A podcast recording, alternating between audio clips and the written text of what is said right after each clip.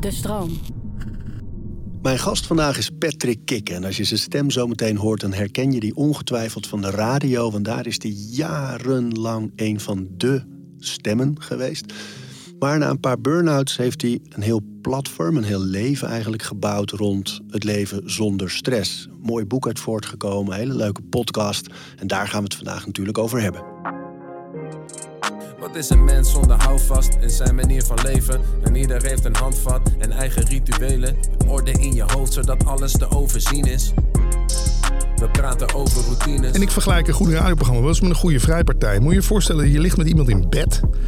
En er zijn allemaal ramen en er lopen mensen langs. Ja, maar zo intiem kan radio voelen, hè? We praten over routines. Ik, ik weet dat bijvoorbeeld eh, Adam Curry en Robert Jensen... die hielden in de radiostudio gewoon een koptelefoon op. En die wilden zelfs dat moment van kennismaken wilden ze pakken. In de, dus die gingen pas in de uitzending gingen ze, eh, ja, kennis maken eigenlijk. Als er een gast kwam. Ja, ja. Er is ook wat voor te zeggen. hè. Ik vind het ook fijn dat er niet geen voorgesprek is geweest en zo. Dat je gewoon, weet je, daar kan je het ook kapot mee maken, toch? Die nieuwsgierigheid naar elkaar Ja. toe of zo. Ik vind dat zelf bij eh, programma's altijd, vooral als je het, weet je, de eerste paar keer snap ik het nog wel, als je ook niet zeker weet hoe een gast is. Eh, want ik doe eerlijk gezegd soms ook wel een voorgesprek, of Steven of ik. Maar als iemand ervaren is en gewoon weet en een bepaald verhaal heeft, gewoon wat je. Dan, dan, dan vertrouw je daar wel op. Ja, ja. ja, dan denk ik ook, eh, wat ik jou ook wel eens hoor zeggen in jouw podcast, van, dat je ook geen gescript ge- ding, je bent met elkaar aan het praten Ja. over een thema en het komt wel goed ja. die gedachte. En dan eh, wat ik dan in dit geval gewoon, dan lees ik je boek nog een keer opnieuw. Ehm, en ik ga wat dingetjes zoeken, naar wat dingetjes luisteren. En als ik dan bijvoorbeeld over bepaalde dingen twijfel, van eh, kunnen we het daarover hebben of zullen we dit doen, dan leg ik het voor. ja. Maar eh, Voor de rest laat je het ook gewoon ja, open. lekker. Maar ik vind dat wel mooi van die jongens, want Adam, Adam Curry is natuurlijk ook wel podcast. Ja, de potvader, hè? Ja, de potvader. Ja, ja, dat is een ja, ja, zo Potvader. wordt hij genoemd. Ja. Ja. Hij heeft, eh, ja, wat dat betreft vind ik jammer dat hij niet alle credits krijgt. Want hij heeft toch dat hele systeem eigenlijk bedacht. Hè? Met dat, die RSS-feed waar dan audio aan kon. Zo is podcast eigenlijk ontstaan, ja. Maar jij was er ook vroeg bij. Ja, ik was ook met kikker.com en zo, hè, ja. Hoe, hoe, wanneer was dat? 2000, Eén, ja, een beetje... 2001? Ja, maar ja, toen, was, toen heette het nog geen podcast natuurlijk, hè.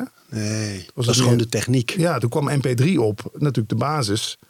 En toen dacht ik, hé, maar dit is top. Nu, kan, nu kunnen we gewoon stukjes audio lekker zichzelf laten verspreiden. Maar toen was dat helemaal nog niet zo met die fragmenten, snippets. Nee. Ehm, hoe, hoe, hoe- waar- hoe komt jouw vizier daarop? Ja, dat komt eigenlijk omdat ik in mijn... Je kent, ja, we zijn een beetje dezelfde leeftijd. De Commodore 64. We zijn bijna nog. exact dezelfde Ja, ook? jij bent van juni 74 en ik van januari Oh, wat cool. 74. Ja, Dus je, wanneer ben je jaar? 18 Oh, januari. dan hebben we nog even. Ja. Dan word jij 49, ja. Ja.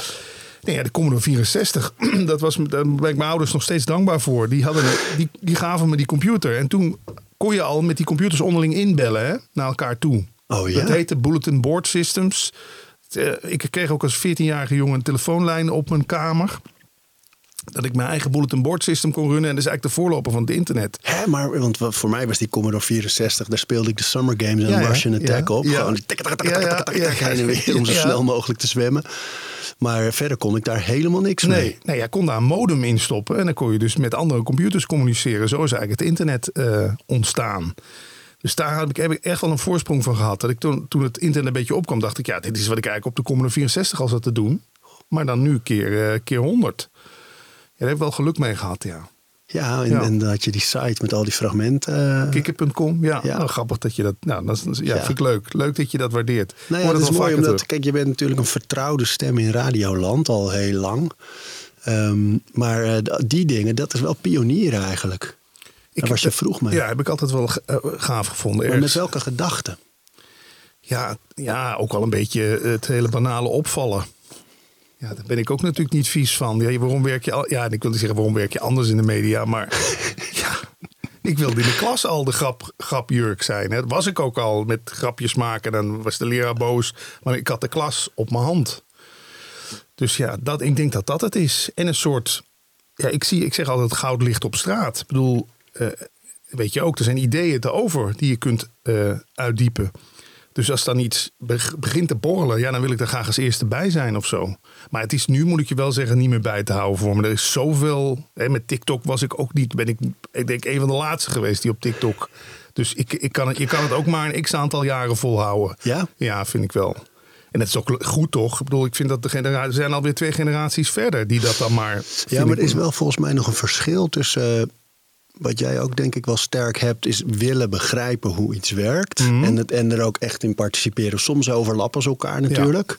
Ja. Maar ik vind dat altijd wel. Ik heb een tante, die is. eh, dat was de zus van mijn oma. Is de zus van mijn oma, maar mijn oma is er niet meer. Die is 100 nu geworden. En, eh, en die heeft nog altijd, als je dan nou, op TikTok of wat dan ook zit, dat, dan kijkt ze zo over je schouder mee en zegt: Hoe werkt dat en Ja. wat is dat? En hoe, en die nieuwsgierigheid naar Ja. dingen, die houdt je ook wel jeugdig hè? Ja. en houdt je in ontwikkeling. Ja. Nee, ja, ik heb er dan nu iets meer in de filosofie gestort. Ik heb, daar zul je me ook vaak over, eh, als je mijn podcast kent, eh, Leven zonder stress, over non-dualiteit gehoord hebben. Ja. En dat heeft me zo enorm gegrepen. En Want, want als je dat uitlegt voor mensen die die term wel vaker horen, maar niet weten wat het is. Ja, het verwijst naar iets buiten de wereld om. Ja, dus je hebt de concrete wereld, alles wat we zien om ons heen. En dan is er nog een, een, een andere dimensie, een beetje. Hè? Dat, Nou ja, ik, ik leg altijd zo uit. Als jij een schilderij gaat maken, zul je toch eerst een doek nodig moeten hebben en verf. En ja, ik heb me altijd afgevraagd: oké, die wereld is er, maar waar, waarin verschijnt die wereld? En heb ik het ook in het geloof gezocht, in filosofie. En ja, dan kom je bij non-dualiteit uit. Die zeggen van ja, er is één bewustzijn. waarin nu een Arie en een Patrick verschijnen. en een tafel en een podcaststudio. Eh, en ja, la- eh, daarin wordt beweerd: jij bent dat ene bewustzijn die een wereld mogelijk maakt. En dat heeft mij een stuk minder egoïstisch gemaakt. Want dan ben ik dus net zo begaan met jou als met mezelf en met die andere mensen en met de planten die hier staan. Zijn het net planten of echte planten? Deze hier zijn, eh, die zien geen daglicht. Dus er staan wel een paar echte tussen. Die Oh, houden het verrassend lang vol. Ja. Maar de meeste hier zijn niet echt. Oké, nee. maar Nee. goed, we zijn toch. ja, Mooi en deppers. We zijn er toch een beetje mee begaan. Van French Press. Nou ja, om maar aan te geven, ik, ik, ik, had, ik bedoel, ik weet niet of je het kent, maar als je in de media terechtkomt, je krijgt heel veel aandacht. Eh, eh, mensen willen je interviewen, je wordt op de foto gezet. Dat doet nogal wat met je ego. En ja, mijn ego was ook tot proporties opgeblazen die gewoon niet meer gezond waren voor mij. Dus het is logisch dat ik ging zoeken naar iets wat, wat dat een beetje kon temperen. En zeg, jongen, je, denkt nu dat je heel speciaal bent, maar de rest is net zo speciaal. Maar dat is al een inzicht, hè? Dat je waar natuurlijk soms ook wel aan ontbeert bij mensen in media, met name in zichtbaarheid, laten we het zo noemen, Mhm. want het is tegenwoordig nog breder. Hoe kom je daar? Dat je, dus dat je voelt, hé, dat ego, dat gaat ook wel in de weg zitten. Ik kreeg steeds meer conflicten met mensen. Eh, ik, het was een soort rupsje nooit genoeg. Dus ik moest nog meer aandacht. Ik weet niet of je dat. Ja, jij komt vaker eh, op tv en in de media. Maar dan was ik een dag bij RTL Boulevard geweest met een item. De dag daarna niet. En had ik echt een soort dip. Weet je, net alsof je een soort drugsgebruiker bent die de ene dag zijn, zijn dopamine shotje krijgt en de dag daarna niet. En dan gewoon de hele dag je gewoon sip voelen omdat je die dag niet op tv bent geweest. Ik dacht, ja, maar hoe, hoe kan dat nou? Nou, toen heb ik zo'n artiestencoach in, eh, in de hand genomen. Daisy Gubbels, ik zal haar naam even noemen, want zij coacht ook veel jonge acteurs voor goede tijden en zo. En, en, en beroemde vloggers. En die zegt, ja, dat is logisch. Roem is net zo verslavend als heroïne. En toen dacht ik, wow, is dat, ik had dat helemaal niet door. Ik denk, ja, dat is, hier moet ik meer van hebben. Nou, toen werd me dat uitgelegd dat het gewoon eh, logisch is. Dat je de ene dag die high hebt, dan komt de dag daarna de low. En die ging ik in eerste instantie inderdaad maar opvullen met... En dan moest er weer een filmpje op internet. En dan moest er weer een nieuwe podcast online. En dan moest er weer een nieuwe blog geschreven worden. En ja, dat, dat hou je natuurlijk niet vol. Dan, dan, ja, dan brand je letterlijk op. En dat gebeurde ook, hè? Ja, 2010 was de eerste. ja, Eerste burn-out. ja. Toen presenteerde je de ochtend. Ja, nee, ochtend, die nam ja. je toen over, Van volgens Jensen, mij. ja. Jensen stopte er toen mee, of moest ermee stoppen. Ja, dan heb ik het nog een halfjaartje, ja, halfjaartje op, eh, op mijn tandvlees volgehouden. Ja, dan, eh, je gaat toch op zoek naar eh, een redmiddel, zullen we zeggen. En ik heb al eens geroepen, non-dualiteit heeft mijn leven gered. Ja, het zijn natuurlijk grote woorden, maar ik, ik ben van, sinds ik het ontdekt heb... iedere dag wel op een bepaalde manier mee bezig. Dus dat is het toch wel, heeft het toch wel impact gehad. Hè? Ja, zullen we het eens afpellen? Van, want het lijkt me, je hoort het nu namelijk ook veel meer nog. Hè, dat je in die tijd, 2010, was dat echt iets voor mensen die al flink in een carrière zaten. En nu hoor je het echt ook van twintigers die gewoon opbranden al voordat ze eigenlijk begonnen zijn. Echt. Maar ehm, hoe je begint te voelen dat je daar zit. Terwijl je iets doet wat je zo leuk vindt om te doen. Ja, nou, bij mij begon het met een pieptoon in mijn oor. Dus tinnitus.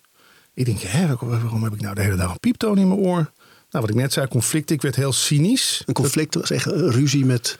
Ik heb wel ja, een technicus. Ik bedoel, nu is dat verhaal dan met Matthijs van Nieuwkerk. Maar ik heb ook wel eens een technicus de studio uitgescholden. Alleen was ik dan wel zo helder van geest. Ik vijf minuten later naar hem toe ging. Zeg, wat net gebeurde was echt niet oké. Sorry daarvoor. Maar ik weet ook niet wat er met me aan de hand is. Weet je, het ontroert me nog steeds aan terugdenken. Je, je voelt je in een soort onbegrepen, een soort roepen in de woestijn. Ik, ik, op een gegeven moment riep ik ook, help me toch. Weet je, en- maar dan keek de producer me zo aan. Ja, maar waar, waar, waarmee dan? Ik zei, ja, maakt niet uit, help me met iets. Weet je wel, je, Zo.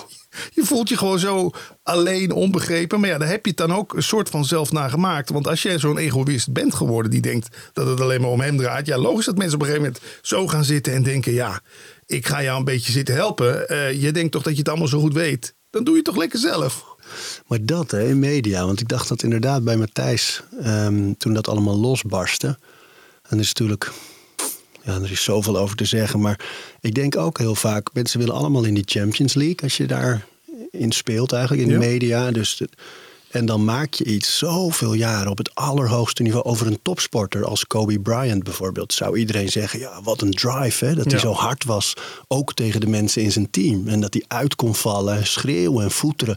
Maar hij maakte iedereen beter. Ja. Dat dacht ik eerlijk gezegd toen ik dat van Matthijs allemaal zag ook. Van ja, maar hij, deed, hij opereerde op topniveau. En ik ken hem ook als een man die dan inderdaad ook achteraf zeker naar iemand toe zal stappen. En zeggen, hey, het spijt me, dat was out of line. Maar er staat veel druk op en we moeten hier blijven. Ja. En, dus ik, ik had daar eerlijk gezegd wel heel veel begrip voor. En, en dat hoor ik jou nu ook weer. Van je bent dan op een betekenend, eh, ja, of een, een primair tijdstip Ja. ben je iets aan het maken met heel veel competitie eromheen. Als het fout gaat, ben jij de bliksemafleider. Ik snap eerlijk gezegd heel goed dat je dan af en toe even ploft naar Ja. mensen om je heen die dat in gevaar brengen. Ja, of die misschien in jouw ogen de kantjes ervan aflopen. Mhm. Ik was natuurlijk een enorme perfectionist. Ik heb dat thuis als voorbeeld gehad. M- mijn vader en moeder zullen nooit een fout... Ja, die zullen wel een fout maken, maar die zullen dat zichzelf meteen verwijten. En dan ging mijn moeder naar de supermarkt, kwam ze terug, was ze één ding vergeten. Had ze, weet ik, honderd boodschappen gehaald, één ding vergeten. Ach, hoe heb ik toch zo stom kunnen zijn? Nou, dat krijg je als jonge jongen als voorbeeld. Dus wat word je dan later? In mijn geval ook een perfectionist. Dus ik wilde iedere dag een 10 halen voor dat radioprogramma. Wat ook gewoon zorgde dat het scoorde. Alleen ja, het heeft ook die keerzijde. Niet iedereen om je heen wil ook dat, het een, dat er een 10 gehaald wordt. En dat gaat natuurlijk enorm frustreren. Dan ga je inderdaad roepen: help me toch. Of, of ja, je, krijgt, je gaat vaak commentaar op andere. Want dan vroeg ik bijvoorbeeld: van, kun je een BN regelen voor dit en dit item? Ja, dan kwam een producer met Johan Flemmix. En dan zei ik, ja, ja Johan Flemmix, die, die kan ik zelf maar, die kan ik midden in de nacht appen. Die staat over een half uur bij de studio. Ik wil Arie Boomsma, ik wil Hans Steeuwen, ik wil een naam van betekenis, zei ik dan, weet je wel. Ja, kun je dat voorstellen? Ja, dan, en dan krijg je dat soort discussies. Ja, maar ik heb mijn werk toch gedaan. Ik heb toch Johan Flemmix geregeld? Ja, oh ja, als ik daaraan terugdenk. Eh, Dus ik, ja, wat jij zegt over Matthijs van Nieuwkerk. Ik denk dat veel mensen in de media, eh, ze houden hun mond erover, maar die begrijpen dat allemaal. Ja, ja, ja, ja. Als jij met redacteuren zit die niet Champions League kunnen of willen spelen. Ja, en het is natuurlijk vaak is het eerder een, een samensteller of een eindredacteur. Want die programma's werken zo. Je hebt een redactie die bereidt iets voor. Dan is er een samensteller of een eindredactie die is verantwoordelijk voor die uitzending. Nou, dat gaat snoeihard. Maar iedereen kiest ervoor omdat het en een cv-bouwer is. En je wil gewoon het beste Ja. maken. Je wil iets moois maken. En daar, ja, daar wordt af en toe even, net als in een voetbalteam, wordt er geschreeuwd en gevoeterd. En, eh, maar we worden samen beter. Dat, Ja. is, dat is het beoogde. Maar, maar even over wat jij zegt, hè, van dat radioprogramma werd dan ook vaak een tien. Kun je eens vertellen over de rituelen rond goed radio maken? Oh, Wanneer is zo'n programma sterk? Ja, het, het moet eigenlijk klinken alsof het gewoon spontaan ontstaat. Terwijl er gewoon uren voorbereiding in zit. Dat zijn de beste radioprogramma's, naar mijn mening. Dus je bent er eigenlijk met een ochtendshow ben je de hele dag door bezig. Ja, dat weet je ook. Je moet op de actualiteit. Vaak Easy reading is hard writing, zeggen Nou ja, schrijvers. Dat. Ja. dat, precies dat. Dat is bij radio ook. Dus als je s'avonds had je een heel draaiboek klaar, nou, dan bleek, dan eh, weet ik niet, koning Willem-Alexander eh, breekt zijn been. Of toen nog eh, eh, prins was hij dan. Ja. Nou ja, dan moet de boel weer eh, overhoop, want we moeten daar morgenochtend iets mee doen. Dus ik was er altijd mee bezig. Wel tijdens het programma ook gewoon durven dat draaiboek natuurlijk gewoon opzij te gooien. Als er iets leuks ontstaat, telefonisch. Uh, slaap is bij een ochtendshow natuurlijk het allerbelangrijkste. Want ik ken genoeg disjockeys die dan s'nachts twee uurtjes slapen en denken, ah, oh, dat hoort de luisteraar niet. Nou, die radio is ook een voelmedium. Net als dit, dit podcastgesprek. Mensen denken dat het allemaal om luisteren gaat. Maar een gesprek voel je ook. Ik heb sommige gesprekken van jou. Die heb ik drie, vier keer teruggeluisterd. Waarom? Het gaf me een goed gevoel. Ik werd er rustig van. Ik, en, en vaak in één keer luisteren pik je, pik je maar de helft op. Dat is echt zo, ja. ja. Dus dan luister je hem nog een keer. En, en soms wordt zo iemand gewoon, uh, diegene die dan aan het praten is, wordt bijna een soort vriend. Ja, en als je dat met de radio voor elkaar krijgt, dat je voor mensen die vertrouwde stem wordt, die s ochtends vroeg hun een soort van een lekker gevoel geeft. Zo van, oh, ik, hij is er weer. Of eh, we zitten er weer lekker met z'n allen. En dan maakt het ook niet uit dat je in de file staat of, uh, of zelf gestrest bent. En jouw eigen rituelen in voorbereiding op zoiets? Oh ja. Um, ja, dan moet ik even goed terugdenken. Dat is toch alweer een jaartje of tien terug. Uh, ja, ik, wat ik zelf deed is gewoon heel veel vakliteratuur lezen over het medium radio. Want daarom, ik schrijf nu ook columns voor spreekbuis.nl. En soms zijn die best pittig over het radiowereldje. Maar dat komt omdat ik weet, er, wordt, er ligt, blijft zoveel liggen. Er zijn in Amerika stapels cursusmaterialen voor radio te krijgen. Je kan je in alles verbeteren. In interviewtechnieken, in telefoongesprekken voeren. Hoe moet ik mijn stem gebruiken? Hoe ga ik met de muziek om? Nou, dat was ik. Ik was daar eigenlijk de hele tijd aan het voeden met, met, die, met die info allemaal. En dan merkte ik, het grote voordeel van dat soort dingen, dat zul je herkennen, denk ik ook als je een boek leest. Acht van de tien dingen doe je al goed. Maar wat krijg je dan? Zelfvertrouwen. Dus ik las van, nou, ik kan het beste dit en dit en dit met een beller doen. Denk, ja, maar dat doe ik al. Ha, toch weer een beetje extra zelfvertrouwen. En dit en dit kun je het beste in een interview doen. Hé, hey, dat doe ik ook al. Nou, wat kan ik met dat zelfvertrouwen? Dan durf ik dus in mijn radioprogramma verder te gaan. Dan durf ik dus een keer te proberen, weet je wat? Ik sla een keer onverwachts linksaf. Want ik weet toch wel dat rechtsaf, dat, dat kan ik. Maar ik ga gewoon een keer linksaf. Ik ga mezelf uitdagen. Ja, en dan kwamen er. Nou, soms lukte het niet, maar vaak eh, leverde het wel iets verrassends op. En bij radio zeggen ze ook: in radio, being predictable is being dead. Als jij, als jij iedere dag kwart over zeven, kwart voor acht hetzelfde doet, wat heel veel radioprogramma's is, dat noem ik een soort handvatenradio. Je gaat van het ene item naar het andere item. En dan denk je, ja, Oh, dan gaan ze, let op, dan gaan ze daar dit weer. Ja hoor, gaan ze dat weer doen. gaan ze met de nieuwslezer weer. Oh ja, gaan ze dat weer doen. Ja, oh, doe het een keer niet. Oh, maar dat is mooi, hè? Want dat is eigenlijk in heel veel. Ik weet dat jij ook dol bent op al die, eh, die boeken in de self-optimization. Ja. De, ja, wat je vroeger zelfhulpboeken noemde. Maar die hele zelfoptimalisatiehoek. Uh, van ontwikkeling en groei, persoonlijke groei. Dat daar dus heel vaak inderdaad wordt aangeraden, eigenlijk altijd uit je comfortzone, daar groei je. Uit je comfortzone, daar leer je. Uit je comfortzone, daar ontwikkel je. Spannend, maar dan moet, die stap moet je zetten. Ja. Want anders wordt het inderdaad gewoon een saaie invuloefening. En dat, dat werd het op het laatst voor mij bij de radio ook wel. Omdat ik denk ook wel gewoon de mensen met wie je omringt. Ik zie dan soms wel eens voetballers naar een bepaald team gaan. Denk je, maar heb je ook gekeken met wie jij daar komt te voetballen? Want toen ik bij Veronica kwam, zaten daar Bart van Leeuwen, Jeroen van Inkel, Adam Curry. Rob van Zomeren, weet je, denk je, oh, ik kom. Kan je van leren? Ja, ik kom in het A-elftal terecht. Hier wil ik, weet je. Je, je kijkt tegen die mensen een soort van op. Je wil je, daar kan jij je aan optrekken. Wat maakt uh, bijvoorbeeld Jeroen, Jeroen van Inkel nou zo goed? Ja, omdat hij is toch het origineel, noem ik dan altijd maar gewoon zo. ja, echt. Ja. Ik bedoel, als ik Gerard Ekdom hoor, ook goede disjockey. Maar ik hoor Van Inkel in Gerard Ekdom. Ik hoor in Edwin Evers ook uh, uh, Jeroen van Inkel. Snap je? Dus dat was voor ons gewoon een soort ja, Mona Lisa, waar iedereen naar keek en dacht, nou, dat wil ik ook worden. En dat is ook wel die stem, hè? want ik weet nog dat ik in die periode kwam ik eh, voor het eerst een beetje ten toneel in de media bij Jorin als omroeper. Oh ja. Vrij onzeker ook over hoe dat allemaal moest en hoe het werkte. En dan hoorde ik zo die, uh, je hebt daar ook een aflevering over gemaakt met een stemcoach. Ja.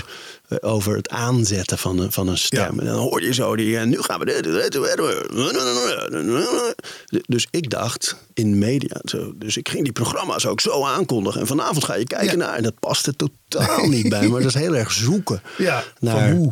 En uiteindelijk voel je ook op het moment dat je dat los durft te laten. En je eigen signatuur, net als een kunstenaar, misschien eerst kopieert en dan een eigen toon vindt. Ja dan klopt het, voelt het goed, ben je aan het groeien. Maar er is een hele lange tijd van kopiëren. En dat, dat, was die stem, hè, die Jeroen van Inkels stem. Dat was legendarisch. wilden we allemaal zijn, dus gingen dat inderdaad allemaal... Uh, hey, En allemaal ik kan me herinneren, hij zei wel eens Live Lafjes a Go-Go Show. En dan dacht ik, oh, dat moet ik dat ook zeggen. Ja, dan ga je dat maar inderdaad. Maar dan denk je op een gegeven moment, inderdaad, ja, hè? wat zit ik te zeggen nou eigenlijk? Maar goed, Van Inkel, ja, dat is het origineel. En, en stemmen, bij jou bijvoorbeeld. Hè? Want als ik naar je podcast luister, dan hoor ik, ja, je hoort gewoon echt een professionele stem. Maar dat is ook hoe je gewoon praat nu hier. En, en als we elkaar Mhm. ergens anders zouden tegenkomen. Ehm, heb jij daar nog veel aan gedaan om je stem te scholen en te trainen? Ehm, nou ja, ik ben heel snel met het kopiëren van accenten. Als, je mij nu, als hier nu een Vlaming had gezeten, dan heb je kans dat ik ook een beetje Vlaamse goesting, dan ga ik dat soort woorden, ga ik een beetje met zachte G. Ik weet niet, ik heb een soort, daar ben ik voor aangevinkt, zullen we maar zeggen. Ik pak heel snel accenten over. Dus je zult mij, als, je mij, als ik een half jaar in Brabant zou zitten, denk ik dat ik ook met Brabants tongval zou gaan praten. Ik weet niet, ik ben, dat heeft ook met je, ik ben een soort chameleon. Ik kleur me heel erg naar mijn omgeving. Dus hoe, meer ik hoe langer ik in het Westen woonde, hoe meer ik inderdaad gewoon zo ging klinken. Mensen vragen dat, ik kom oorspronkelijk uit Limburg. Zeggen ze, waarom hoor je dat dan niet meer bij jou? Ja, ik weet niet, ik ben blijkbaar, ja, dan transformeer ik daarin. Ik denk dat dat, maar dat is wel een, dat heeft dan denk ik misschien ook weer met ego te maken. Als je, als je open staat voor alles en iedereen. Volgens mij staan wij ook de hele dag onder invloed van elkaar, weet je. Als je waarschijnlijk loop ik straks net iets anders hier de deur uit, omdat ik met jou dit gesprek gevoerd heb. Daarom vind ik dat ook zo leuk, die podcast. Je bent elkaar constant aan het beïnvloeden. Ja. Dus misschien heb, je daar, heb je wel een zaadje geplant bij mij, waardoor ik ineens denk: nee, ik moet die kant op met mijn leven of met mijn carrière. Of ja, maar zo druk is hoog. Ja, nou ja. Ik hoorde jou ook in een gesprek vertellen dat, dat, dat er een moment kwam voor die burn-outs. ehm, dat je onzeker werd over je stem. Oh ja. En, en dingen niet meer live durfde te doen. Dat je heel veel op ging nemen. Ja. Ja, dat had, dat had eigenlijk een beetje de oorzaak. Ja, ik kan nu om me heen gaan wijzen. Dat doe ik dan graag. Dat is natuurlijk ook automa automatisme. Ik had een discussie met Erik de Zwart. Je kent hem vast wel. Beroemde discjockey ook. Ik zeg, die mensen op de gang die leiden me af. Ik er lopen de hele dag mensen langs in- tijdens mijn programma. En dan zeg ik iets. En dan zie ik iemand op de gang. Zie ik zo heel, zo heel boos kijken. Dan denk ik, ja, wat ik gezegd heb slaat nergens op. Weet je wel? Zegt hij, ik, zeg, ik wil graag een Luxaflex in, in het studioraam. En dan ken je Erik. Ik ben gek. Komt helemaal geen Luxaflex in studioraam. Ja, ja, je doet het er maar mee. Nou, op een gegeven moment ging ik plaatjes ophangen aan de speakers. Zodat ik niet die mensen de hele tijd zag als ik aan het praten was. Ja, dan merk je, ja, ik, ik word onzeker over wat ik aan het vertellen ben. En ja, inderdaad, je, gaat, je stem is een soort instrument waar je alles in terug hoort. Dan ga je inderdaad ook misschien wat meer verspreken. Je gaat wat onzekerder klinken. Als ik nu eraan terugdenk, krijg ik ook weer dat gevoel van... Ik voelde me heel erg bekeken in die radiostudio. We waren verhuisd en we hadden ineens een studio met allemaal ramen. En ik vergelijk een goede radioprogramma wel eens met een goede vrijpartij. Moet je je voorstellen, je ligt met iemand in bed. En er zijn allemaal ramen en er lopen mensen langs. Ja, maar zo intiem kan radio voelen, hè? Dus dan zit je de hele tijd, je denkt, ik word bekeken. Weet je, ik wil gewoon in die veilige bubbel kunnen zitten en gewoon kunnen zeggen wat op dat moment in me opkomt. Ik wil niet het idee hebben dat mensen me in de gaten aan het houden zijn. En dat, ja, dat had ik op het laatst. Maar het gekke is, in het begin, als je echt nog helemaal 100% gemotiveerd bent, dan interesseert je dat ook niks. Dus het was voor mij ook een signaal dat ik misschien gewoon niet meer op de, op de juiste plek was daar. Je vertelde dat het begin richting burn-out was die tinnitus. Hè? Die piep Ja. in je oor. En, en verder? Nou, je gewicht gaat. Ik, ik ging, je gaat rust zoeken in allerlei dingen. In eten.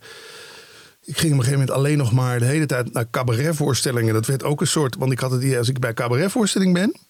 dan ben ik ontspannen en rustig. Kocht ik gewoon voor drie. Ja, is ook een beetje mijn ADHD-neiging. Kocht ik gewoon voor drie voorstellingen in de week. Bert Visser, Hans Theo, Theo. Ik ging er overal naartoe.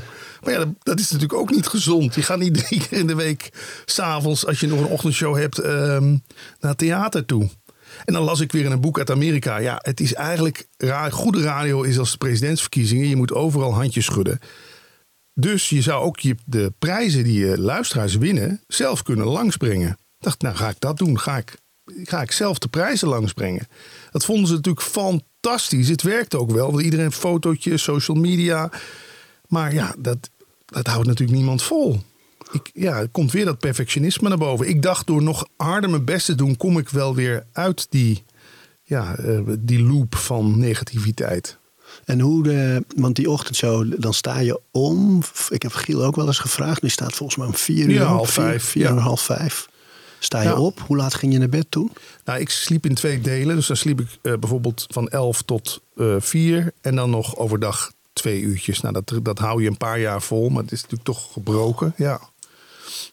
Maar ja, je bent, ik weet je, toen was ik 30, 32. Ja, je, bent alleen maar daarmee bezig. Dus je houdt het makkelijk vol. En uiteindelijk moet je ook niet te veel zeuren. Je krijgt een, een goed bedrag voor. En je staat in de aandacht. Je hebt de commercial op tv. Dus wat moet je. Ja, ik had het ook niet anders willen doen, eigenlijk achteraf gezien. Maar die burn-out dan, is dat dan de druk die ermee ook? Of, of, of te lang zo slapen en dan hard werken? Het was vooral in cijfers zat het bij mij. Ik had, ik had, moet even terug naar mijn basisschool, was ik meestal de beste. Ja, ik was altijd de beste van de klas. Dus ik haalde overal een tien voor, hoefde ik niks voor te doen. Dus bij mij waren die cijfers heilig. Een rapport, dat was echt, dan kreeg ik liefde thuis. En dan kwam ik thuis met een rapport met negens en tieners. Kreeg je overal aantjes over de bol. Nou, wat is er bij radio en bij tv natuurlijk zo belangrijk? Kijk- en luistercijfers. En ik wist, als je 0,1% gezakt bent in mannen 2034, dan is iedereen in mineurstemming. Ben je 0,1% gestegen in vrouwen 2049, dan is iedereen blij. En dus die luistercijfers, dat werd zo'n blok aan mijn been. En, dan, en toen zaten we in een trend met Veronica die, dat het eventjes niet zo goed ging. Ja, jij bent de ochtendshow, je trekt het je aan. Je moet toch de kaart trekken. Dus ik ging me heel erg blind staan. Ik durfde op een gegeven moment ook niet meer naar die cijfers. Ik weet niet of je dat... Hoe, jij, hoe doe jij dat? Ja, dat wil, ik wil jou graag ook nog eens een keer spreken. Hoe, die kijkcijfers, dat ja, die toch- gaan we ook nog opnemen. Ja. Maar we kan, kunnen er gewoon... Ja. Kijk, ik had precies hetzelfde. Ik, ik had het voordeel dat eh, ik relatief kleine programma's maakte. En op NPO 3 vooral. Hmm. Het grootste deel van mijn eh, televisiecarrière. En dat daar de druk minder hoog is. Hmm. Dus als ik een keer iets maakte voor NPO 1 op een tijdstip... dan moet het een miljoen scoren, Ja. weet je wel. Maar op NPO 3, dan zit je tussen de 500 en de 800.000 luisteraars. En dan doe je het goed. En ik merkte dat wat mij heel veel voldoening gaf is dat omdat mijn programma's maatschappelijke thema's hadden, uit de kast komen, transgenders, pesten, ehm, was de impact vooral in de media eromheen. Dus die programma's zelf, dat waren geen miljoenenknallers. Dat, eh, weet je, 400, 500, soms is 800.000 kijkers. Veel, maar niet. Geen De Wereld Draait Door. Of Ja. geen eh, The Voice, of noem het allemaal maar op. Ehm, maar de impact daaromheen, weet je, de- in aanloop naar zo'n programma, eh, twee, drie talkshows op tv, vier, vijf radioprogramma's, krantenartikelen, printinterviews, noem het allemaal maar op. En daar kon ik heel erg impact maken met wat ik geloofde dat belangrijk was. Van we maken dit omdat. Ja, Dus, dus ik had al heel snel vrede met die dynamiek. Maar dan nog, je, we hadden een keer een, een aflevering gemaakt over een hele streng gelovige jongen die uit de kast kwam. eh, die vertelde over ja, dat hij overwoog zelfmoord te plegen, omdat hij het gevoel had dat het niet mocht. En hij vond zichzelf vies. En daar werden we voor genomineerd met een, een Emmy. ehm, ehm, dus dat was echt nou, waardering. Maar die aflevering had het in het seizoen het minst gedaan. Dus daar dacht ik ook, dat hielp me aan de ene kant te relativeren van oké, wij, wij geloven dat het goed is. Het wordt ook echt wel gezien. Maar voor de kijker is die wat meer gemiddelde aflevering makkelijker mee te identificeren misschien. Ja. Dus die doet het veel beter. Die heeft 700.000 en deze 300.000. Dus, maar ik vond dat wel moeilijk. En ik herken wel wat je zegt, dat je dan, want ze kwamen altijd om half acht, kwamen die cijfers Oh. online. Dat je die volgende ochtend eh, meteen om half acht, bam, kijken. En als je dan niet de berichtjes van collega-makers kreeg van, Ja. hey, top, hey, Ja. tof, hey, mooie, hey. En het bleef stil. ja. Of als je dan inderdaad in zo'n periode zit dat je maar niet kijkt naar die cijfers. En dan komen die berichtjes niet. Dan weet je, oh. Ja. Of ook wel periodes gehad. Dan maakte ik een programma over pesten. En dan op Twitter was heel veel eh, ja, een mooie, leuke discussie, mooie reacties. Maar als dat dan een aflevering minder gebeurt. Ja. Dan denk je meteen, oh, daar gaat het. En, Ja. dan, en dan weer de volgende dag weer die dynamiek met die cijfers. En ik vond dat wel lastig. En het lukte mij pas echt nou, ik denk pas echt na 10, 12 jaar of zo om dat los te laten. En gewoon met de kleine groep waarmee we het maken. We hebben het programma breed uitgemeten in de media. We hebben impact gemaakt. We geloven zelf dat het goed is. En we geven elkaar kritiek als er iets niet goed genoeg is of iets niet klopt. Verder gaan mensen er iets van vinden. Lof en kritiek, het is er allebei. Loslaten, moeilijk soms. Maar Ja. daar heb ik wel toen een weg in gevonden. En ik merk wel dat nu ik geen tv meer maak... dat de voldoening die ik nu haal uit ondernemen, die hele rechtstreekse voldoening, en dat ik niet afhankelijk ben van netcoördinatoren of Ja. zenderbazen of iets wel of niet gemaakt mag worden. En die, die afrekencultuur van cijfers, daar voel ik me wel een beetje van bevrijd af en toe. Ja, dat ik echt denk, oh man, Ja. dat, dat gelukkig niet. En tegelijkertijd mis ik soms ook wel lekker kunnen vastbijten in een heel mooi thema. een mooi programma maken, langere tijd met iemand optrekken om een verhaal te vertellen. Dat zijn wel hele mooie dingen. Maar ja, voor alles is een tijd. Dus uh, dat is niet nu. Uh, nee. nee. Maar jij zegt nu, ik maak geen tv. Voor mijn gevoel ben je, ben je altijd op, in de zin van, jij bent niet van tv gegaan. Wat gek. Nou, ik... nee, ja, weet je wat het gek is? Ik ben eigenlijk, bij mij ging het zo. Ik, uh, toen ik kinderen kreeg, um, maakte ik nog vol op tv. Daaraan parallel liep dat ik mijn bedrijf begon. En mijn bedrijf begon ik echt met een groep vrienden, omdat ik wist, ik kan door tv, zes, zeven programma's per jaar, kan ik niet dat ondernemen vol en alleen doen. Dan moet ik mensen bij hebben. Ja. Alleen ik merkte al heel snel, hoe meer ik daar ben, hoe meer er gebeurt. En hoe meer ik weg ben, dat merk je ook. En dan ging ik bijvoorbeeld voor opname ging ik twee of drie weken naar het buitenland. En dan dachten ze in mijn bedrijf dat ik op vakantie was, maar alles ging gewoon door. Dus, en ik was aan hard aan het werk. En zat ik tussendoor nog te appen en te bellen en dingen te regelen. En dan kwam ik terug en dan lag er een stapel, want ik was toch ook weg. Ja. Uh, mensen zien je niet. Dus dat werd een conflict. Plus ik miste best wel grote delen van de levens van mijn kinderen uh, in die eerste jaren. Dat ik dacht, ja, ik ben sommige maanden twee weken weg. En soms wel vier maanden achter elkaar, elke maand twee weken. Dat was gewoon te veel. Ja. En toen heb ik eerst nog geprobeerd om gewoon één programma per jaar te maken. Um, of bijvoorbeeld te zeggen, nou, ik doe wel de voice-over en de Nederland-opname, maar ik ga niet op reis. Oh ja. Ja. Maar dat is helemaal geen constructie. En, uh, en toen merkte ik ook dat ik, ik zat toen uiteindelijk bij de commerciële en daar maakte ik, vond ik toch minder uh, maatschappelijke programma's dan bij de publieke. Dus dat speelde ook wel een beetje mee. En toen heb ik gewoon gezegd van ja, ik moet nu gewoon durven ook die knoop door te hakken. En niet een beetje maar doorgaan omdat ik het ook wel leuk vond. En nu vol op het ondernemen. En ik schuif nu aan, zoals bijvoorbeeld in corona, dan ja, mocht ik als, als, als woordvoerder van de fitnessbranche gewoon bij de talkshows vertellen. Oh ja, ja. En dan is er heel veel. En ja, er zijn gewoon een paar programma's die me nogal eens bespreken. En uh, dus dan voelt het alsof je veel op tv bent. Maar ik maak niks. Ik maak geen tv-programma's al een paar jaar niet meer. Wat leuk is aan jou, en dat herken ik ook in mijn eigen carrière, is je hebt gewoon van Arie Boomsma een merk gemaakt. Het is gewoon een merk. En Patrick Kikkers, daar heb ik ook altijd naar gekeken, is gewoon een merk. Het is niet alleen, ja, het is, daar komt dan een ego en non-dualiteit om de hoek zeilen. Het is niet per definitie wie ik ben, maar ik zie Patrick Kikker gewoon als een merk. En dat merk kun je laden. En dat doe jij ook met boeken, met podcasts, met seminars, met tv-optredens. En dan ben je op een gegeven moment, dat is natuurlijk het lekkere, dan word je onafhankelijker. En dat had ik op een gegeven moment ook. En bijvoorbeeld, ik heb, ik heb negen jaar bij de Tros gewerkt. Daar vonden ze Jij sprak me net nog aan. Zeg, ja, toch vroeger die website kikker.com met die grappige filmpjes. Ja, ik was een van de eerste die aan social media deed toen het woord nog niet bestond. Bij de Tros vonden ze dat helemaal niet leuk. Die denken, die is voor zichzelf begonnen hier, zei Daniel Dekker. Ja, ja, ik wil die luisteraars een plezier doen. Ik wil die mensen bereiken. Dus ik had kikker.com. Maar ik was al vroeg inderdaad met dat ik dacht, ja, dit, dit wereldje, als je je te zeer lieert, is dat het goede woord, aan één ander groot merk ja, dan word je ongelukkig. Want dan ben je inderdaad overgeleverd aan de grillen van die programmaleider. Die zegt zo, en nu ga jij dit en dit en dit doen. Ja, maar dat wil ik helemaal niet. Kan ik niet. Jawel, je doet het maar gewoon. Ja. Nee, ja. Dus... Ja, en je komt in een dynamiek dat je, stel dat je vier programma's per jaar maakt en er zijn er twee heel mooi en eentje is oké en de vierde is gewoon niet goed genoeg. En dat wil je niet, daar wil je helemaal niet zitten. Nee. is gewoon, uh, je moet, ja, ik toch het streven in ieder geval om te genieten van wat je doet en, en trots te zijn op wat je maakt. Maar het, het is allebei hetzelfde, denk ik, in dat opzicht dat je wil een platform bouwen waar je mooie dingen kan doen, waar je aan kan reiken, waar mensen wat aan hebben om mensen in beweging te krijgen, wat dan ook. En dan is de podcast een hele fijne vorm. Ja. En ook anders dan radio. In het bijvoorbeeld als het gaat over de promotie van boeken. Ik hoorde James Clear van Atomic Habits, die schrijver. Die hoorde ik bij uh, Tim Ferriss in de podcast uitleggen. Dat hij zei, ik doe geen radio-interviews meer. Want radio-interview doe ik. Het is afgelopen, is klaar. Het is vast ergens online te vinden, maar het is niet een dynamiek dat mensen dat.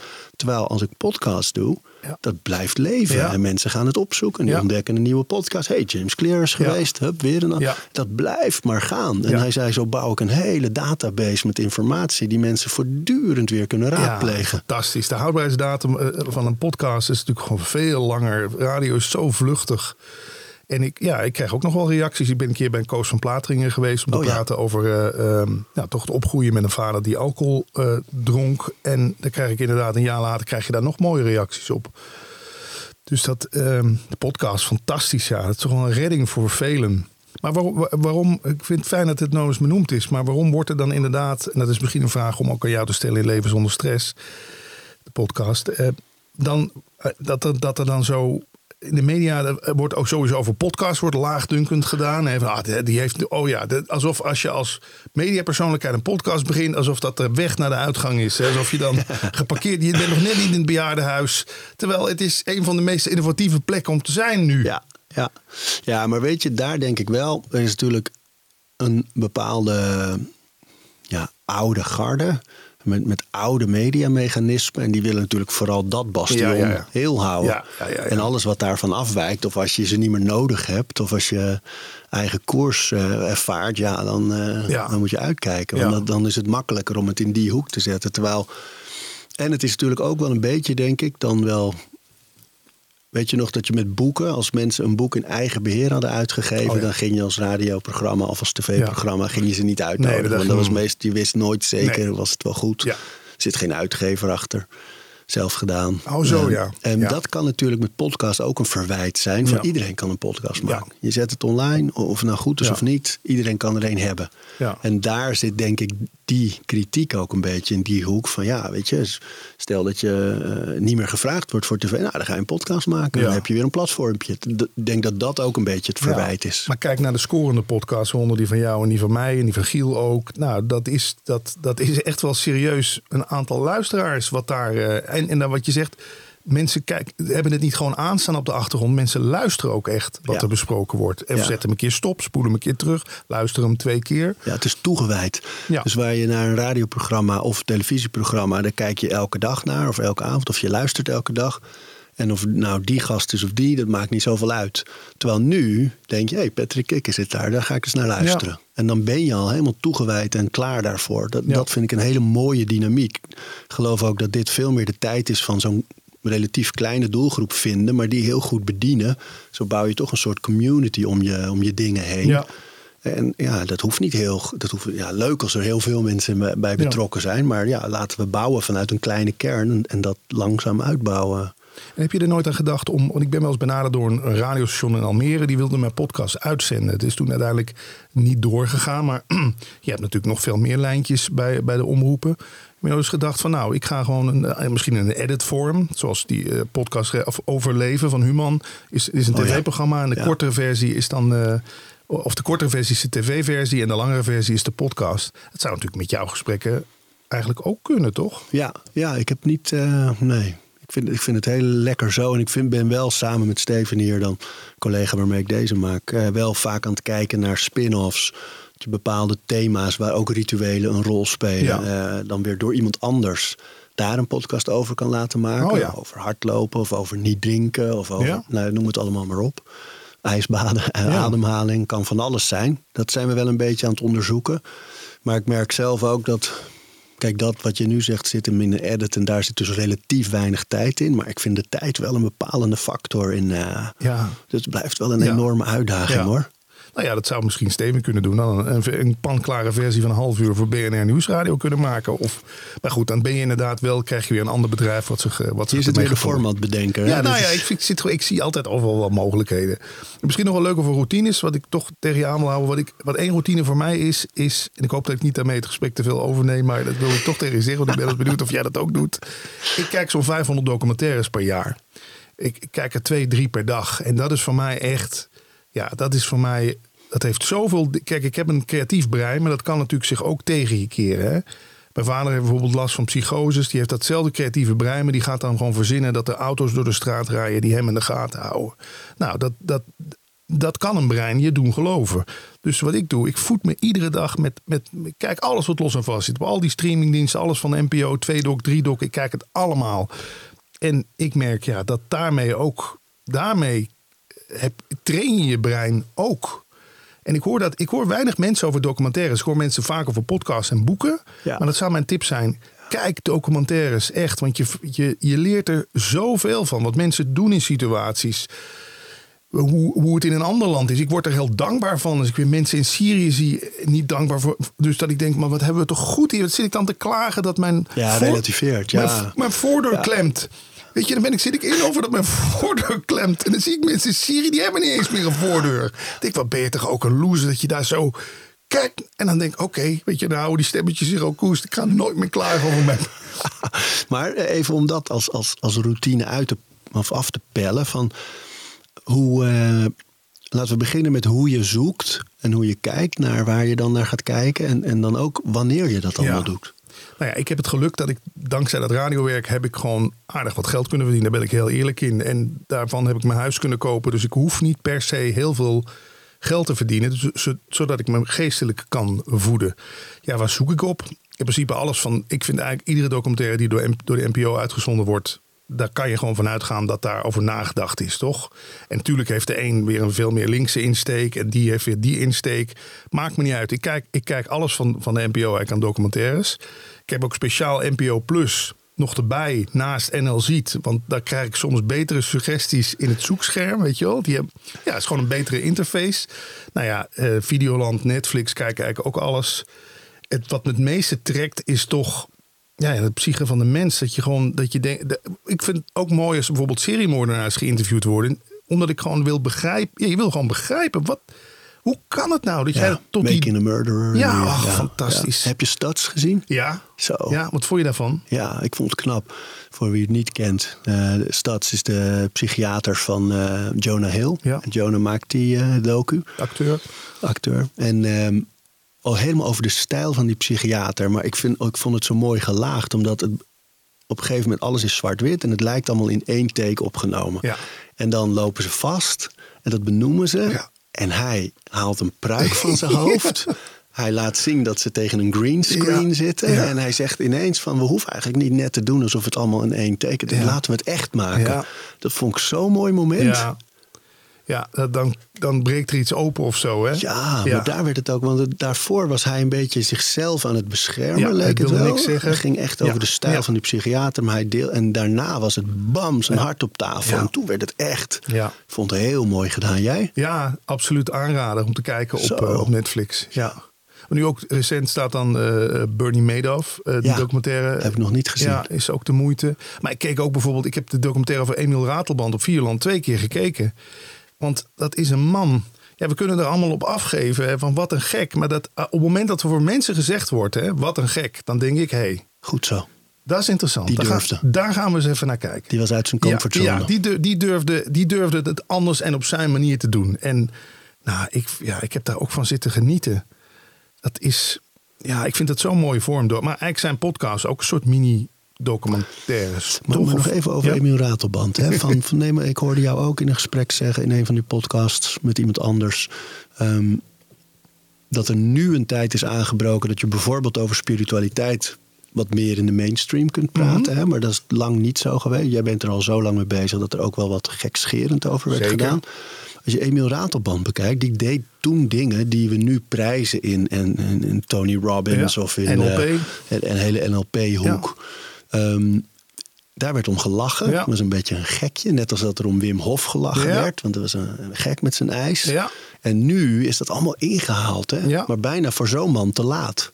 Lijkt het wel. Ja, ja, dat is vaak met pioniers. Hè? De mensen die, die echt de dingen hebben gedurfd. Ik weet nog dat ik bij de Tros had ik een kabeltje laten solderen om telefoongesprekken op te kunnen nemen. Toen zeiden ze, Daniel Dekker zei ook, ja, doen we hier niet bij de Tros telefoongesprekken opnemen. Nu is dat gewoon normaal. Je hebt zo'n apparaat in de studio staan waarmee je snel even een belletje kan opnemen, nog kort kan monteren. Ja, ik ben daar ook wel tegen aangelopen. Dat je gewoon al, je wordt als pionier gauw voor gek uitgemaakt. Hoort er misschien wel zelfs bij. Ja, het kan misschien. Ja, want je, er komt verandering. En dan denken mensen: oh nee, maar het moet allemaal hetzelfde. Ja, precies wat jij eigenlijk ook eh, hebt. Hè. Dan denken ze: oh nee, dat, nee die, die is van tv. Die moet bij tv blijven. Wat gaat hij nu doen? Podcasts? Hè? Eh, Mentale ontwikkeling? Wat? Nee, past niet in dat hokje. Dat is het natuurlijk. Toen ik met Eckhart Tolle bezig was, zo'n jaartje of 10, 12 geleden. Patrick is lid van een Duitse secte. Echt. Eckhart Tolle, het is de meest onschuldige man op aarde. Je kent hem van de kracht van het nu. Ja, ja, ja. Nee, ik, ik liep achter een Duitse secteleider aan. Ja, ik moet er ook wel weer om lachen. Maar ja, het is, het is ook... Ja, nou ja, het is bijna ook onvermijdelijk inderdaad Ja. wat jij zegt. Maar het is mooi. Het is ook leuk, vind ik, om dan toch credits, te- bijvoorbeeld aan zo'n Emiel Ratelband, credits Ja, te geven zeker. voor dat pionierwerk. En voor, ja, natuurlijk heeft hij ook hele gekke dingen gedaan, maar ook gewoon hele goede. En, eh, en ook gewoon een lans, of eigenlijk een weg bereid voor Ja. heel veel eh, mooi werk. Ja. En nog even een paar waar je echt van genoten hebt. Eh, Waar heb ik echt van genoten? Eh, de- Ja, documentaire. Toch meestal die, wat jij zegt ook, die randfiguur. Ik noem het randfiguur, maar John McAfee van die, hè, dat virusprogramma. dat was natuurlijk ook een man die gewoon deed wat in hem opkwam. Die documentaire van John McAfee is ook fantastisch. Ehm eens even denken in welke hoek ik nog. Ja, ik moet ook zeggen, de André Hazes junior docu op, op Videoland. Die deed me heel veel zeer. In de zin van, ik dacht na één aflevering, denk, nee, maar dit.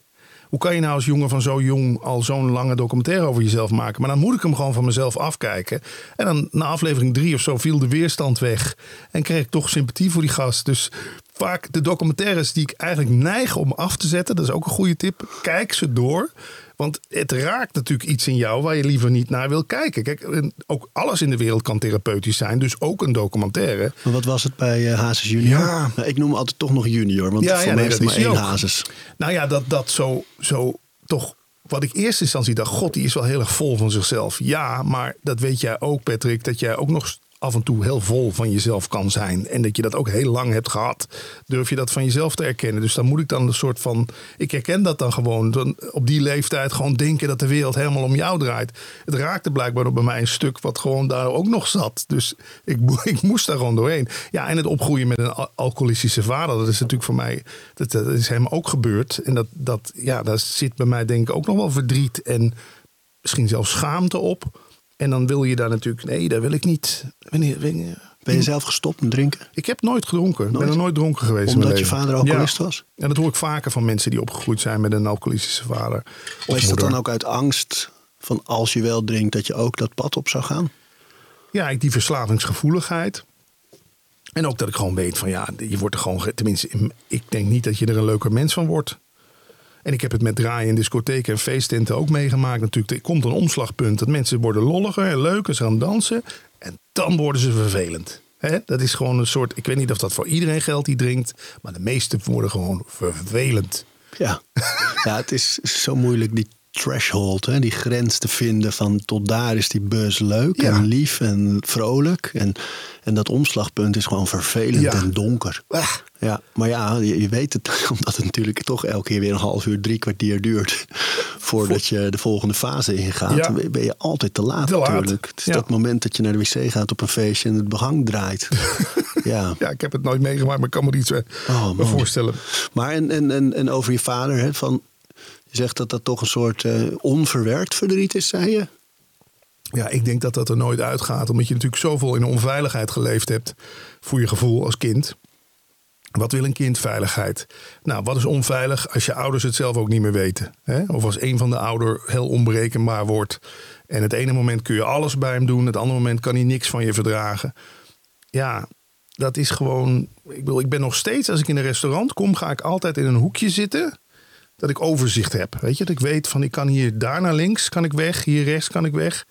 Ja, kan je zeggen dat heb je jezelf zo aangeleerd. Ik denk dat als kind was gewoon vaak rond etenstijd moest je heel erg op je tellen passen.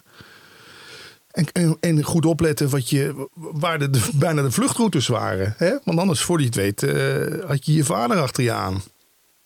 En ja, dan zeggen ze, ja, heb je, het dan, heb je het hem dan vergeven? Ja, ik weet ook wel nu door allerlei onderzoek dat het, dat, die, dat dat bij hem ook weer ergens vandaan kwam. Maar ja, ik kan het ook niet ontkennen dat het eh, gebeurd is. Heb je hem ooit geconfronteerd? Regelmatig. En ik denk dat, maar die man heeft al zoveel schuldgevoel over zich heen. Die, ja, dan, dan denk ik, ja, dan kom ik ook nog eens met dat. Hè? Dus ik heb wel, hij is nu twee, hij wordt 73 dit jaar, dus valt, valt nog mee. 74 wordt hij trouwens. Ja, hoe moet je daar iemand nog mee confronteren? Ik denk dat de alcoholist zelf of de verslaafde zelf. Ja, je hebt, je hebt eh, ook tv-programma's met verslaafden gemaakt, Ja, toch? Ja.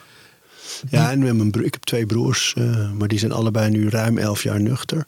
Maar daarom vroeg ik het ook, omdat ik vond een van de moeilijkste dingen bij mijn broers. Kijk, er is denk ik, ik weet niet hoe dat bij jou was, maar een hele lange tijd dat je denkt, ah, dat is gewoon het bravoer dat bij bijvoorbeeld een studentenleven hoort. En iedereen doet wild en drinkt. En er komt een punt dat je denkt, oh nee, hier is, dit is iets anders. Er is iets destructiefs Ja. in deze manier van alcohol en drugs eh, gebruik. En dat ik het heel, ik was heel bang om mijn broers te confronteren, omdat ik bang was om ze kwijt te raken. En bij eentje zelfs definitief kwijt te raken. Dat ik dacht, als ik te hard nu zeg van je moet stoppen, ik, ik wil niet meer met je omgaan, ik wil niet meer Als je niet stopt. dan- Ik was heel bang dat dat een duwtje zou zijn. Of richting de dood, of richting permanente afstand. Ja.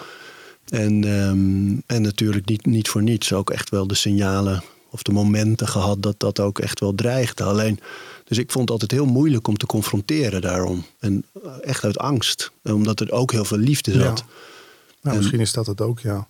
En mijn moeder. Kijk, je, dan heb je ook nog eens, ja, de mensen eromheen die je dan ook weer niet wil kwetsen. Want dan denk je, ja, maar de- mijn moeder zit daar ook met bovenop. En, maar ik heb als kind wel mijn moeder ook een soort... Ik heb nog steeds die beschermingsdrang naar mijn moeder toe. Dat ontwikkel je dan ook als kind natuurlijk. Ja. Met een onberekenbare vader. Maar alcohol, ja. Maar misschien kun je daar... Maar dat heeft Koos van Platering natuurlijk al. Ja, mooi. Doet Ja, Koos doet. ja. Ja. Ook kwetsbaar eh, opgesteld voor hemzelf. We mogen teruggaan naar, naar jouw eigen burn-out voordat we naar het leven zonder stress Oh, gaan. Ehm, om, ja. om nog even. Dus die signalen, weet je, je krijgt die piep, je, je, je wordt wat lastiger naar de mensen om je heen. Cynisch, slecht slapen Slecht natuurlijk. slapen. Waar merk je het nog meer aan? Eh, in het verkeer. Weet je, ik zei op een gegeven moment ook: ik heb geen kort lontje. Ik heb helemaal geen lontje meer. Het is echt, het is knap dat het allemaal nog goed gegaan is ook. Want dan heb je gewoon in het verkeer nul geduld. Met niemand, niks. Met geen fietser, met geen.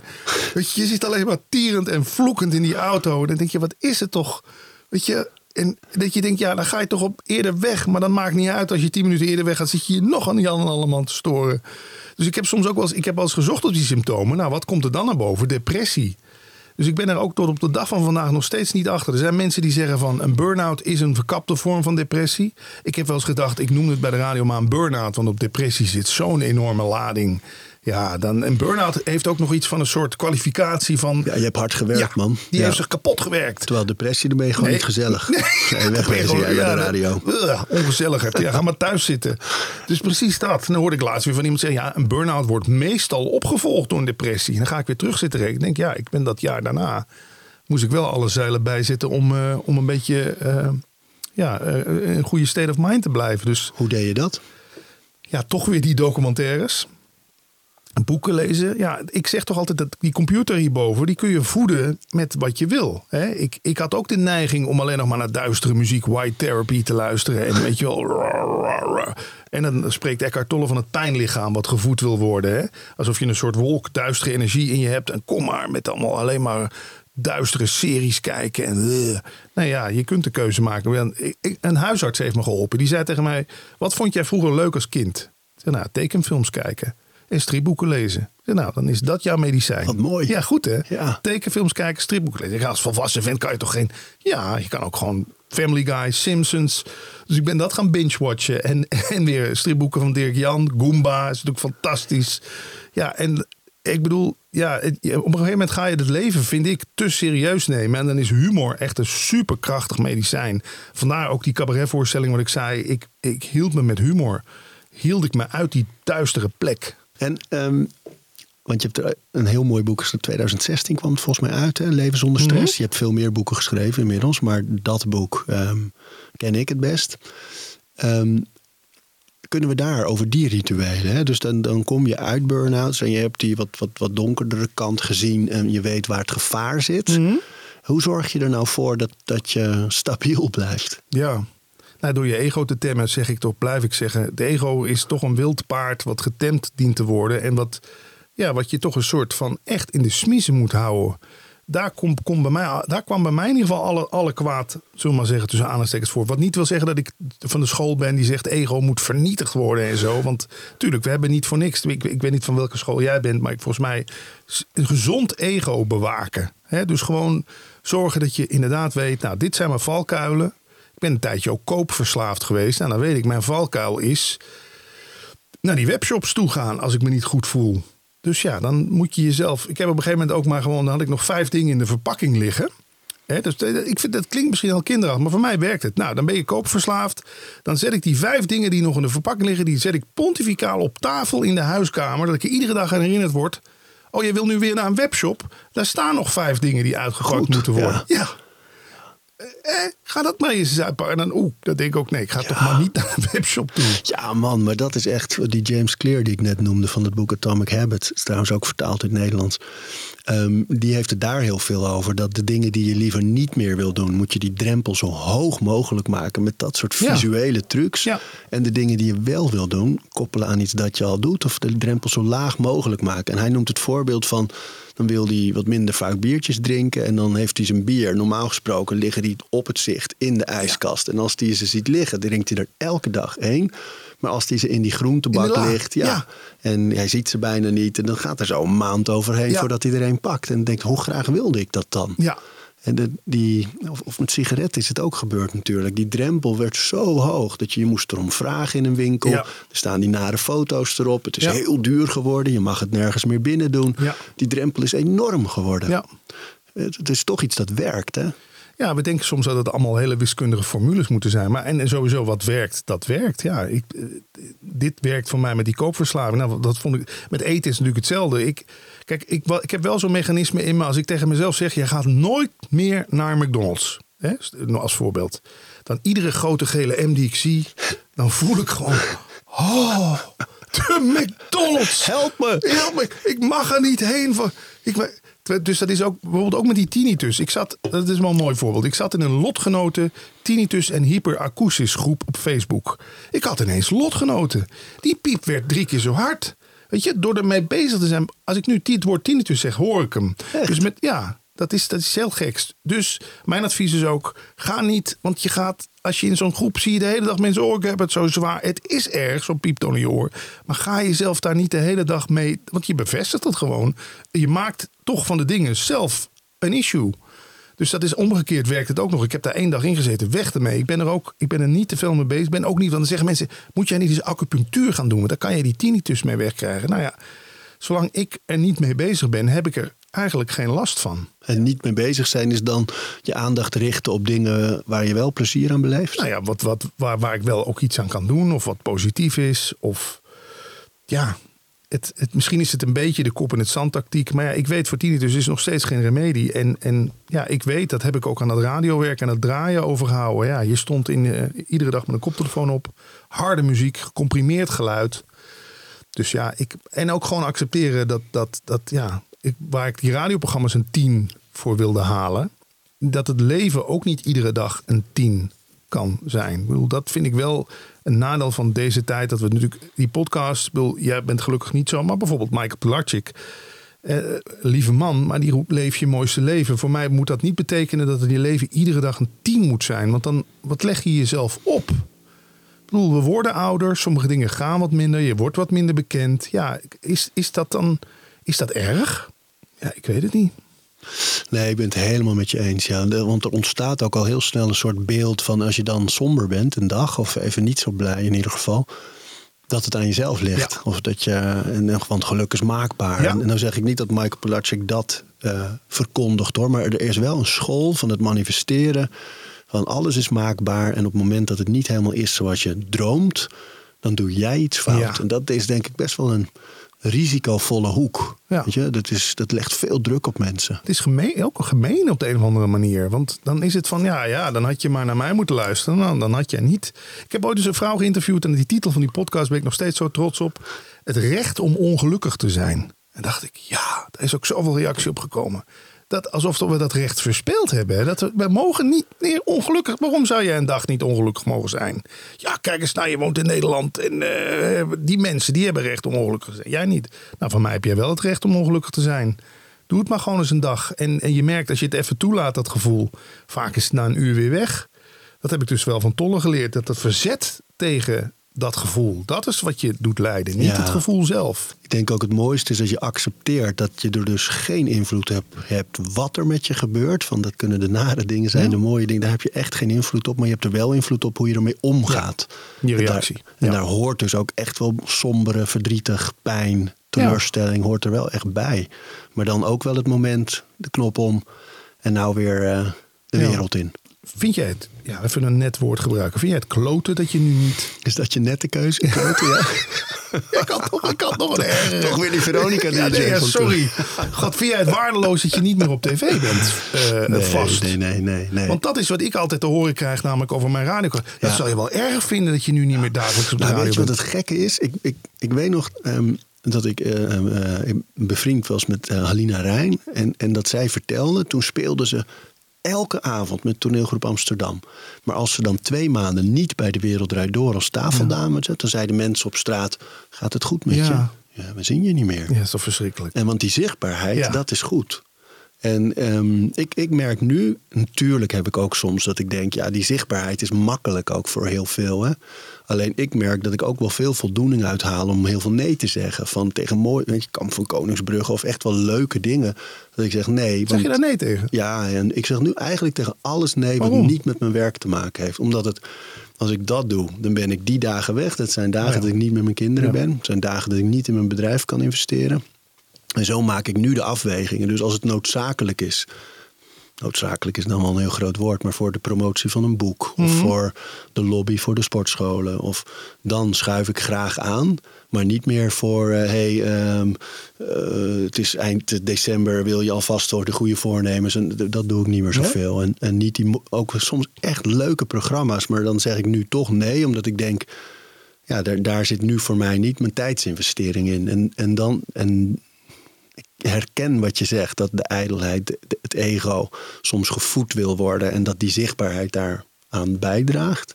Toch eh, geeft het ook heel veel voldoening om dan te zeggen nee. Nee, dat snap ik. Maar weet je waar, waar het dan prikt is op het moment dat dan iemand roept, ah, ja, alles altijd maar voor de aandacht. Oh ja. Denk, Je moest ja, je weten moest eens weten ja, hoeveel nee ja. Maar dat, dat zeg ik dan niet, want dat is ook wel weer de les van... Joe Rogan noemt het post-it ghosted. Hè? Je plaatst dingen en daarna laat je het Ja, los. Want je ja. moet niet gaan lopen reageren, want Nee. het wordt echt alleen maar naar. Bloedbad. Ja, maar ehm, dus, dus ik heb daar ja, dus, dus toch wel een soort haat-liefde mee. Dat ik, ik ben net als jij in al die jaren zo gewend geraakt aan dat podium. Dat het soms ook wel, dan bewonder ik mijn vrouw bijvoorbeeld. En die wil geen televisie en die wil geen radio. En die liever niet op foto's. En ehm, dat, dat bewonder ik ook wel, want die is daar helemaal los van. En ik ben toch altijd nog wel een beetje, als ik dan een boek heb, dat ik denk: oh ja, maar dan moet ik eh, daar gaan zitten bij Jinek. En dan moet ik op de radio. En dan moet ik. Dan zegt ze: waarom? Het is toch een mooi boek. En dan denk je, ja, dat is waar, maar dat is voor mij dan toch net niet genoeg Ja. nog. Ik moet dat echt nog leren, merk ik. En eh, is het feit dat je nu vol op de podcast, eh, de boeken, de presentaties concentreert, is dat ook om veilig te blijven van, van burn-outs en stress? Ja, dat is mooi gezegd. Ik kreeg laatst nog, kom ik in de buurt van de studio van NPO Radio 2, voelde ik een soort paniekaanval opkomen. Ja. Maar vergis je niet, Arie, een, een radioprogramma, en je, wat je, je, draagt die, je trekt die kar helemaal zelf. Hè? Je moet zorgen dat reclame uitgezonden wordt, de muziek moet uitgezonden worden. Weet je, je, jij staat daar in die control room, dus dat nooit meer. Ik zou nooit meer zelf ja, zeg nooit nooit, maar kijk als sidekick of als gast. Kijk, nu hebben we weer ook mensen die zorgen dat de opname goed is. Als ik nu in de tussentijd ook nog, of jij moest nog de hele tijd letten, oh, loopt de opname wel goed? Is het wel te zien en te horen? Dat geeft, oh, dat geeft gewoon stress. Wil ik niet meer. Bah. ja. Dat is toch, wat moeten we nou, ja, dus Maar, maar als, je dat, als je dat destilleert in een advies hè, van, Ja. van mensen die voelen. Mijn werk geeft me stress. Ik, ik voel, ervaar veel druk. Ik, ik, ik, ik, ik doe iets niet goed. Wat is dan de eerste stap? ja, toch een beetje uitzoomen, zoals Paul Smit dat zegt. Kijk eens vanuit helikopterview naar de, naar de situatie. Trek, trek ook weer daar je ik eigenlijk eruit. Eh, Durf, durf het onpersoonlijk te maken. Ga eens kijken, waar, waar wringt het hier nou eigenlijk? Is het gewoon, is het werk te veel? Sta ik er met een soort tegenzin in? Hè? Want er heeft wel eens een coach tegen mij gezegd... jij begon over die Luxaflex in die studio. Hè? Het ging helemaal niet om die Luxaflex. De vraag was, wilde jij daar nog wel zijn? Toen dacht ik, oeh, ze heeft me door. Ik wilde, ik wilde daar niet meer zijn, gewoon, weet je wel. Maar ik ging de schuld geven. Die mensen op de gang, die leiden me af. Dan moet er Luxaflex komen. Dus dat is wel, als je, als je dat kan met een goede coach of zo... die kan ook gewoon jou eens even uit die situatie trekken. En een helikopterview, ja, het zijn allemaal van die jeukwoorden... maar dat hel- helpt wel. En wat is hier nou eigenlijk het probleem? Ja, ik wil daar gewoon... Ik vind gewoon die mensen vervelend. Ik vind het werk niet meer leuk. Maar ja, het, soms kan het ook wel gewoon zijn dat je denkt, ja, ik wil. Ik, vaak willen we vrijheid van een situatie. Dat heb ik ook wel geleerd. Ik dacht ook, dan stop ik bij Veronica. Ik verbreek allerlei banden met mensen. Ik maak mijn relatie uit. Ik ga verhuizen naar een hutje op de hei. Ik knip al mijn bankpasjes door, net zoals in Into the Wild, hè, die Ja. film. Ik wil overal vrij van zijn. Ja, maar is dat, wel, is dat wel de vrijheid die je zoekt? Zoek je vrijheid van de situatie of vrijheid in de situatie? Is toch dat beroemde boek van die uh, psychiater die in uh, Auschwitz uh, ja, zat? Victor Frankl. Ja, die gewoon in de situatie zijn, zijn vrijheid vond. En daar moet ik, dat ontroert me ook nog steeds, moet nog steeds aan denken. Dus wij denken door de omstandigheden maar allemaal ideaal te creëren, alles precies zoals we het willen hebben, vinden we vrijheid. Of is het die beperkende overtuigingen die we zelf hebben en daar willen we vanaf? Dus we willen vrijheid eigenlijk een soort van onszelf, van onze beperkende gedachten. Het, het lukt je, het is mijn ervaring bijna nooit om. Natuurlijk moet er wel eens wat veranderd worden, maar om de situatie zo te krijgen dat je dan vrijheid vindt. Dus daar zou ik ook eens over nadenken. Is het, is, zit ik, kom ik hier niet al met gestrekt been de situatie in, waardoor ik al die conflicten veroorzaak en, en me daardoor onvrij ga voelen?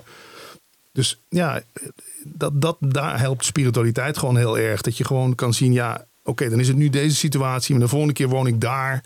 En dan irriteer ik me weer aan de overbuurman. Ja, je neemt jezelf mee. Precies. En naar al die plekken. Ja, Ja, mijn overal. moeder zei dat altijd. Als dan, oh, maar dan wil ik naar het buitenland en dan wil ik een jaartje helemaal niks. Zei, Ja. zei dan een van ons, mijn broers of ik. Ja, jongens, je neemt jezelf mee naar al die plekken. Het is het precies. Ja, dus ja, die vrijheid van jezelf. Dat, eh, ik denk dat dat de grootste, eh, het grootste geschenk is wat je jezelf kunt geven. En dan, en dan maakt de situatie niet meer zo gek veel uit. Dan komen we weer bij Victor Frankl. Dan, dan, dat is toch het ultieme schoolvoorbeeld van iemand die toch wel echt in de meest beperkende omstandigheden zat. Auschwitz. Ja.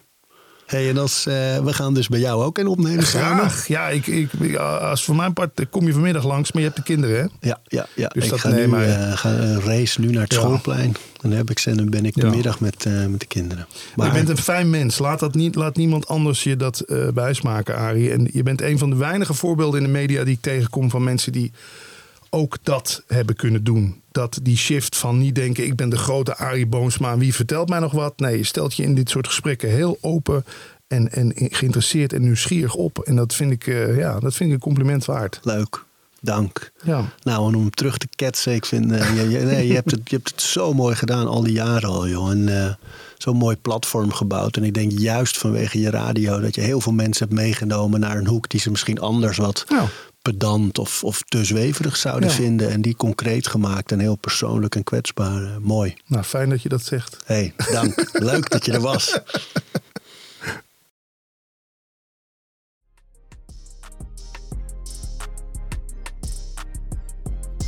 We praten over routines.